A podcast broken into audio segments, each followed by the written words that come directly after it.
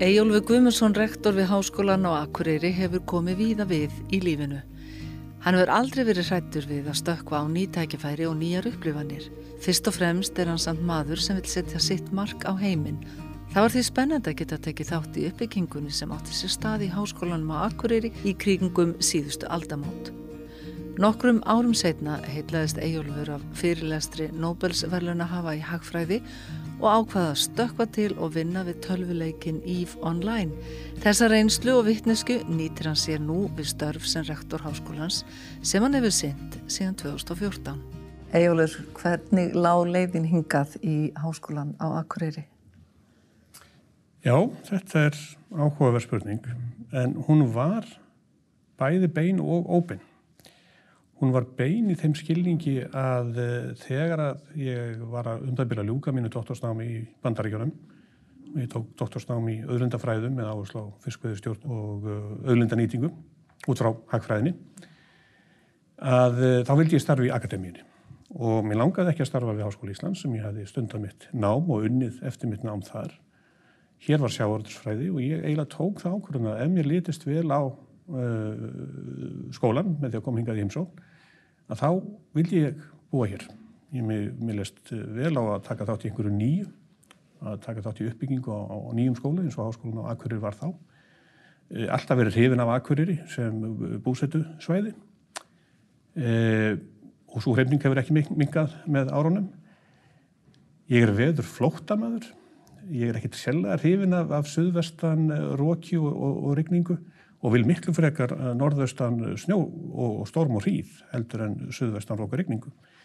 Þannig að þetta lág allt saman nokkuð beint við að Akureyri væri þá svo staður sem að ég myndi uh, hefja minn akademiska feril eftir að doktorsnáminu uh, myndi ljúka sem að reynda lög ekki fyrir enn tveimur árum eftir að ég komingað en það er og gengur að gerist, tekur stundum aðeins lengri tíma klára en maður ætla sér. Hvaða ár er þetta?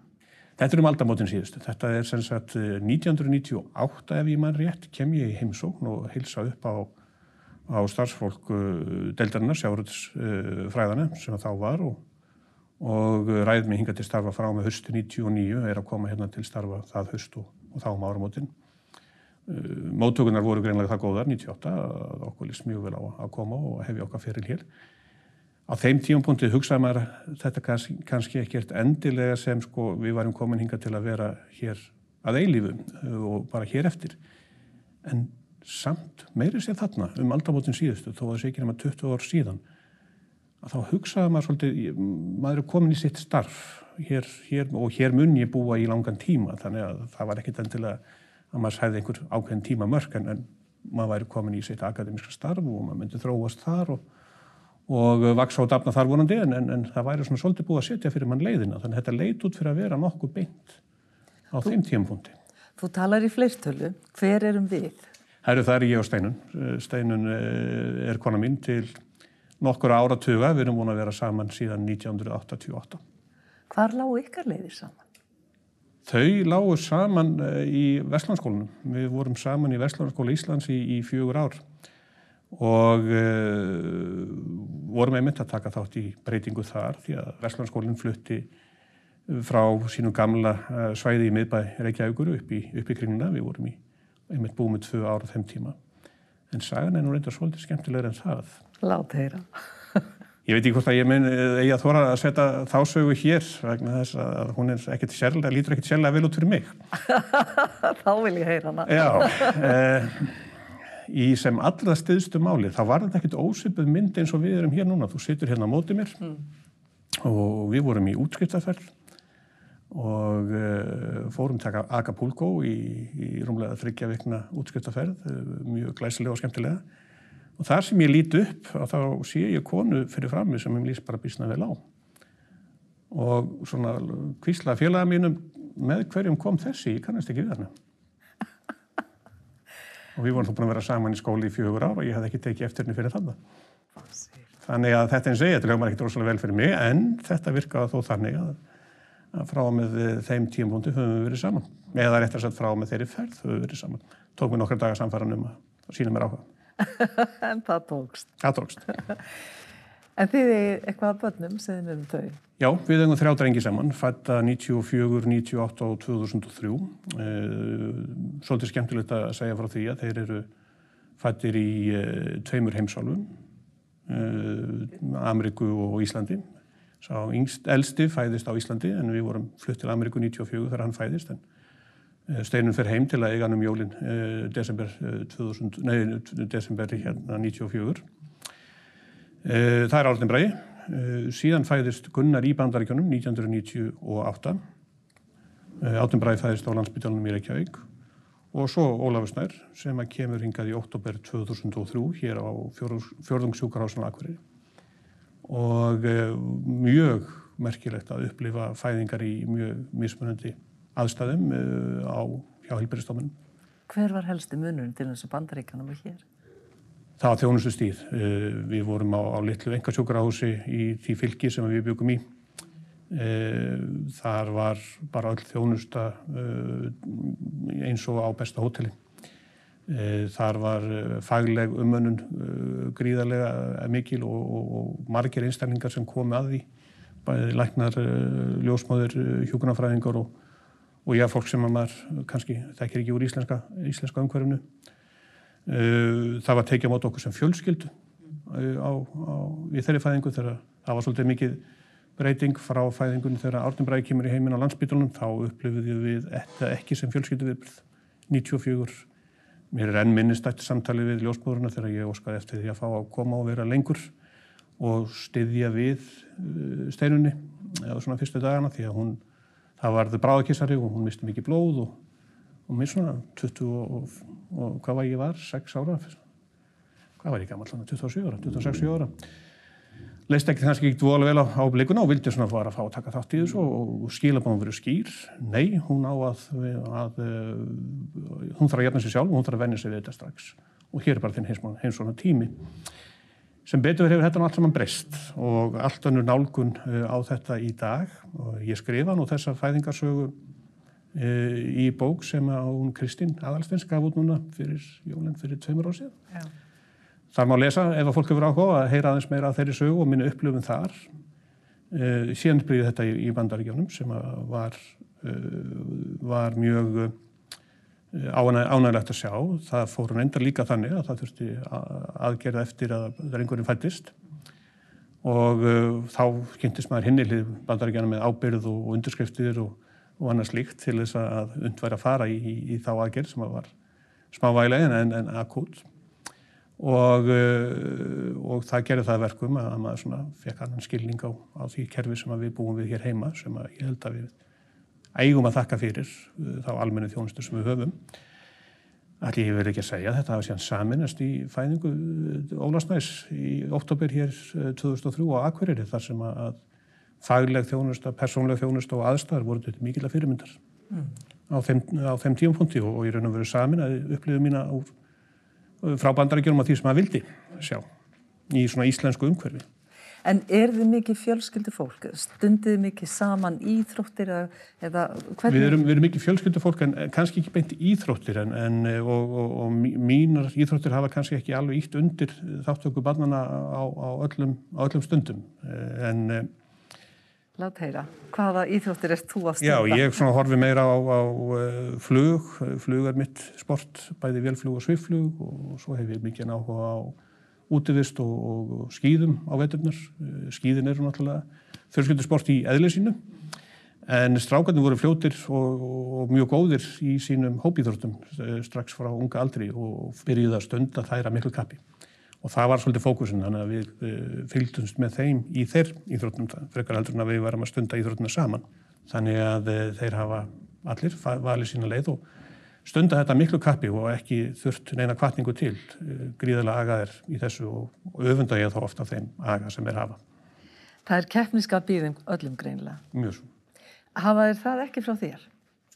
Keppniskapið hugsaðir hafa frá mér að hluta til í það minnsta í, í þeim skilningi sko að vilja ná árangri því sem maður gerir en íþrótt á áhugaðan öruglega frá steinunni Já. því að hún sko á okkar heimil er það þannig að ef að íslenskur fótbolti er á skjánum þá er það ég sem færi steinunni góðan drikk og, og kemur svo út á stofinni til þess að hún njóta þess að horfa á, á fótboltan eða handboltan eða hvað það er sem hún hefur á á hverjum einn tíma. Ég hef aldrei verið uh, mikill íþróttamæður í þessum hópjúrtum. En þú fær svolítið að augra mögulega í þessum jáðar íþróttum sem þú ert greinilega að stunda lengi? Já, jáðar. Eða Sum, hvað? Sumir getur kannski lítið á þessum jáðar íþróttir. Mér finnst það fullkomlega eðlilegar og það er ætti öllum að vera eðlislegt að vilja fljúa. Já, var það? Já, það finnst mér. Það er, lítur að vera dásendin eina að aðlast þessa yfirsín og, og sjá, sjá heiminn frá öðru sjónahóðni. Eh, ég byrjaði í vélflýi eftir að hafa kynst í gegnum móðubróðminn. Eh, bara fljótlega í kringum vestlunarskóla skóla árin tók snemma þá ákvörðuna að ég er ekki atvinnumflugmaður en uh, flugbakterían er þannig að ég hef reynd að hætta og það þýðir ekkit annað heldur en bara þunglindi og, og, og, og já, og daburleiki þannig að meiri að kona mín bendi mér á ef ég er ekki búin að fljúa mikið en oft. Já. Hérna fyrir norðan kynntist ég svifluginu og sá mikið eftir því þegar ég var búin að kynast í hér að hafa ekki byrjað í sviflugi sem ungur maður. Mm. Hvað er svona heitlandið sviflug? það er keppnin. Það er þú, hvert einasta flug er áskorun, þú hefur, ert að reyna að finna aðstæður sem að halda þér á lofti, eh, þú þarfst að lesa í veðrið, lesa í umhverfið, eh, þekkja flugulina sem ert að fljúa hverju sinni. Eh, eins og sem um kannski finnst ókveikjandi að þá hefur bara eitt hækifæri til lendingar. Já, það er engin, það er engin, það er engin annar, annar séns. Þannig að þú byrjar að hugsa um lendinguna tölvurt áður en að það gerist. Þannig að þú ert með stöðugt í öllu flíinu frá upphafð lenda að þá ertu með huga við það sem er að koma næst.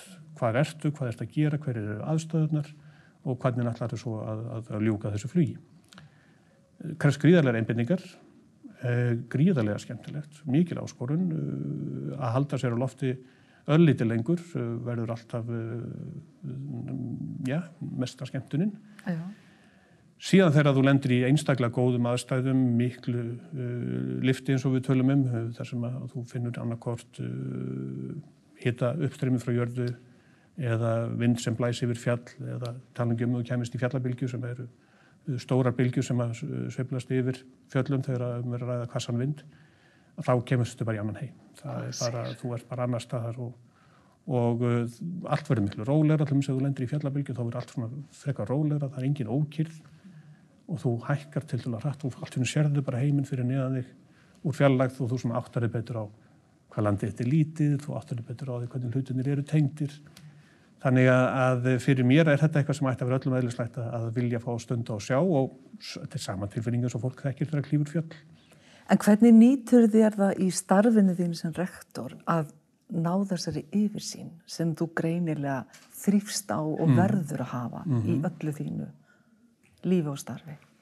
Þar kemur saman endalus áhugin minn á bara uh, sögunni, mannkynnsögunni, uh, fólki, þróun samfélaga.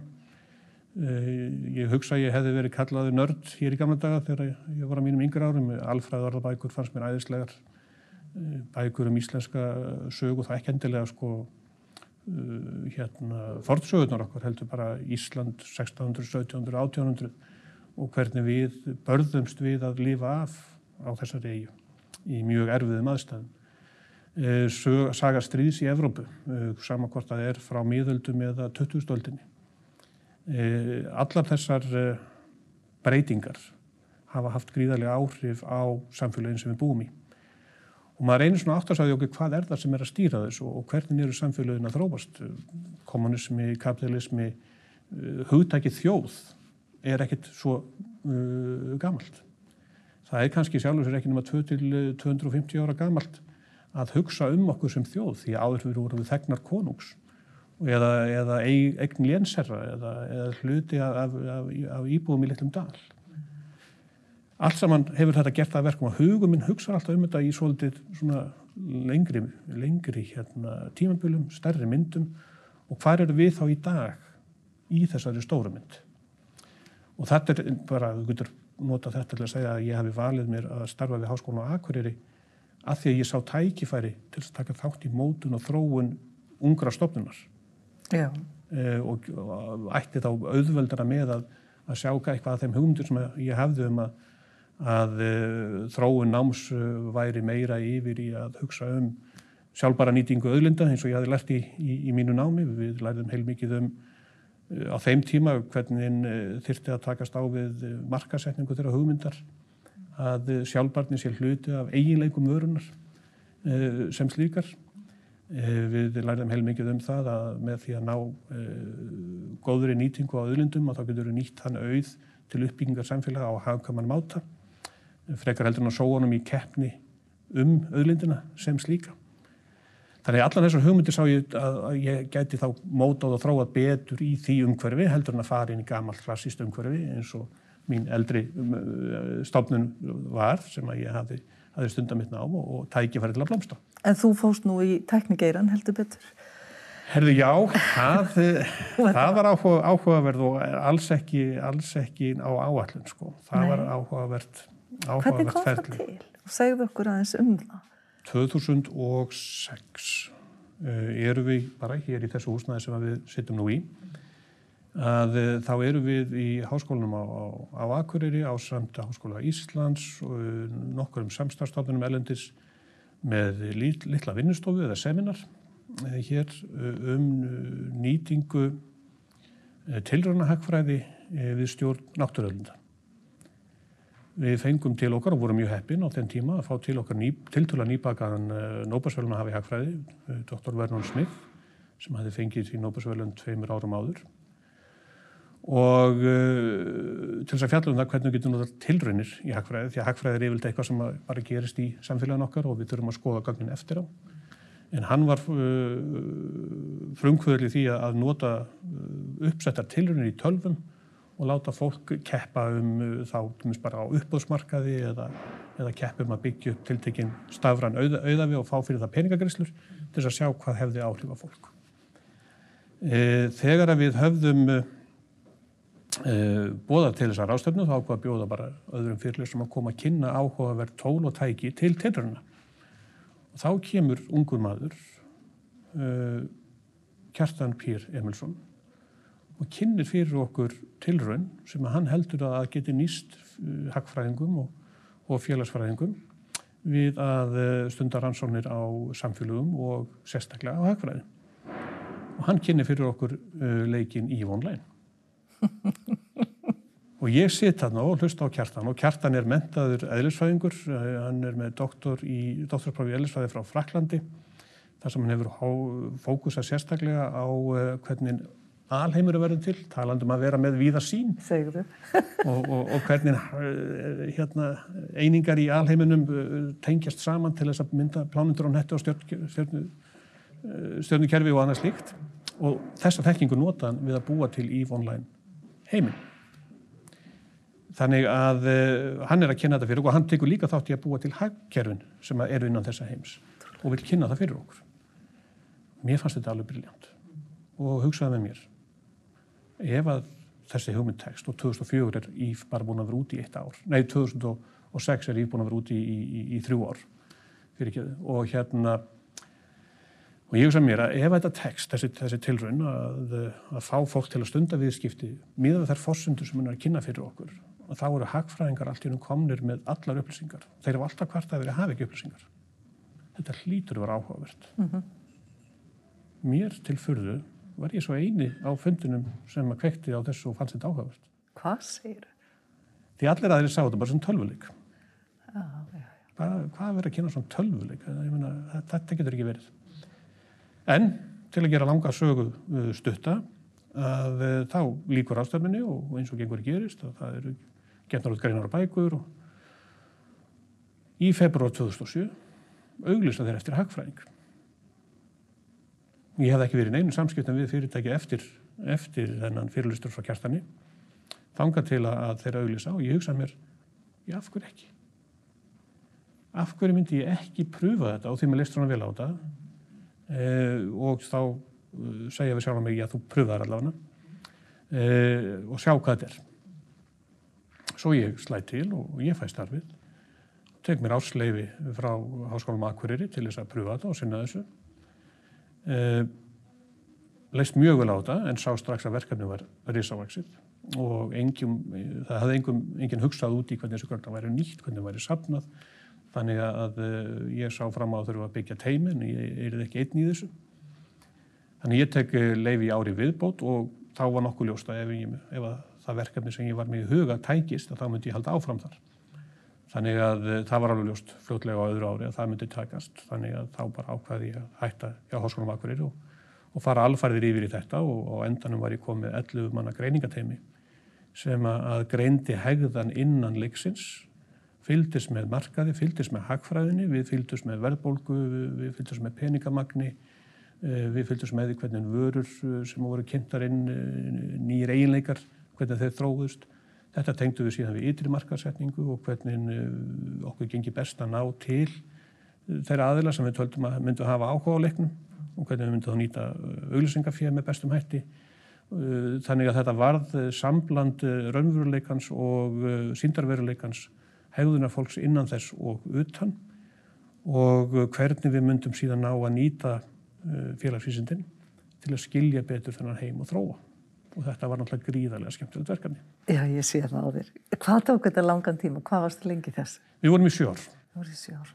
Og hvað skilur það eftir? Hvað, hver er stóri lærdómurinn sem þú tókst með þér út úr þessu? Að við erum öll tengt. Að við erum öll tengt. Við erum öll eins. Á endanum uh, þá er það okkar samfélagslegu kerfi sem við þróum sem að skapa hegðun okkar. En við bregðust við þessum kerfum öll eins samankort að við erum uh, frá Asíu eða Evrópu, samankort að við erum frá Afríku eða, eða artískum heimi. Uh, við erum innst inni með sama eðli, við erum sama fólkið. Það var dásanlegt að horfa upp á það að fólk sem hafði aldrei hist en unni stórverkefni saman í þessum rafran heimi hittist hér á Íslandi Um, á nokkur ára fresti í stóri hátíð sem er haldin í hörpunni. Og uh, það var eins og það hefði aldrei gett annað heldur en að vinna saman. Og uh, saminnaðist þarna í gleði og ánægu með sín verkefni. Og þá skildi maður að uh, það er okkar mannana verk að uh, byggja samfélag sem að skapa okkur tækifæri til að búa til eitthvað gott, búa til eitthvað sem nýtist okkur og eigur velferð okkar en ekki kerfi sem að valda stríði, átökum og deilum. Og hvernig fer það svo inn í háskólinu Akureyri, þessi stóra hugsun? Ef það er einhver sem á að hafa áhrif á fólk til þess að aðhyllast hugsun af þeim hægt að nýta þekkingu til þess að gera heiminn betri, þá er það háskólar. Þannig að eh, þegar ég á búin að vera hann í sjö ár og, eh, framöndan voru tölvu stóra breytingar hjá fyrirtækinu því að vörur sem var verið að reyna að þróa höfði ekki tekist og og uh, það var ljóst að við myndum halda áfram að þróa EVE Online en ég hefði viljað sjá það vaksa yfir í fleiri vörur, uh, fleiri, fleiri sindarveruleika. Að þá svona fór ég að hugsa mig til, til reyfings og, og þá þessum tímapunkti er staða rektors fyrir háskólan á Akureyri líst og ég hefði í sjálfsvegar ekkert hugsað um það mikið að flytja aftur norður en hafði alltaf hugsað mér að koma tilbaka inn í akademíuna. Og ég fór svona veltað fyrir mér hvernig ég myndi nýta mér þessa þekkingu uh, með reynsli mín af háskólan á Akureyri til þess að raunverulega að reyna að ná utanum þetta stóra eh, verkefni sem er að hafa áhrif á ungt fólk til þess að gera heiminn betri. Og eh, eftir að hafa kent mér það stuttlega, þá hugsa mér já, þetta væri gaman að láta á það reyna.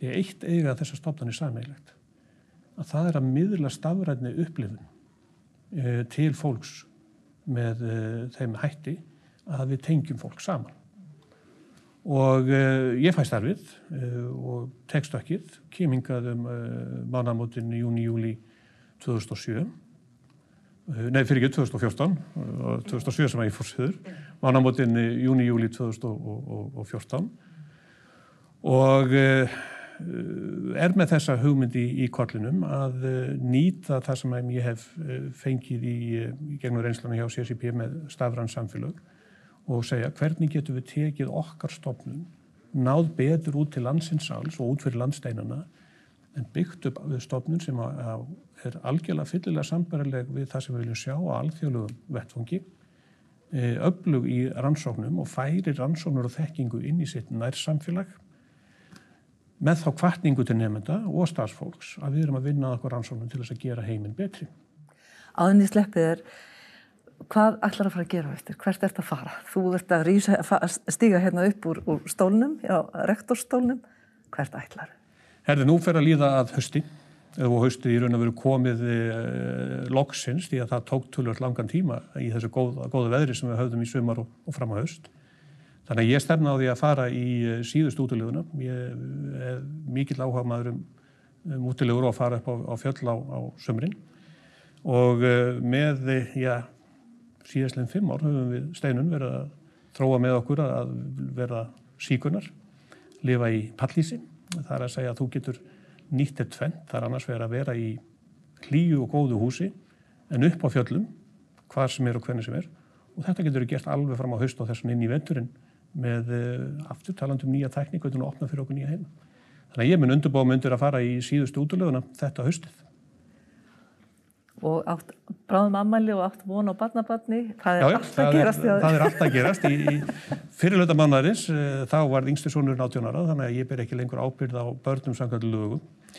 Setna í mánuðunum mun fyrsta barnabandi komi heimi bara í næstu, næstu viku og uh, alveg ljósta að uh, það eru nýjir og, og spennandi tímar, ný hlutverk framöndan, nýjir og spennandi tímar til þess að takast á þetta. Eyjólfur, takk fyrir að segja mér svolítið að þinni leið. Gangið sem best. Kæra þakki fyrir að leiða mér að tala um það.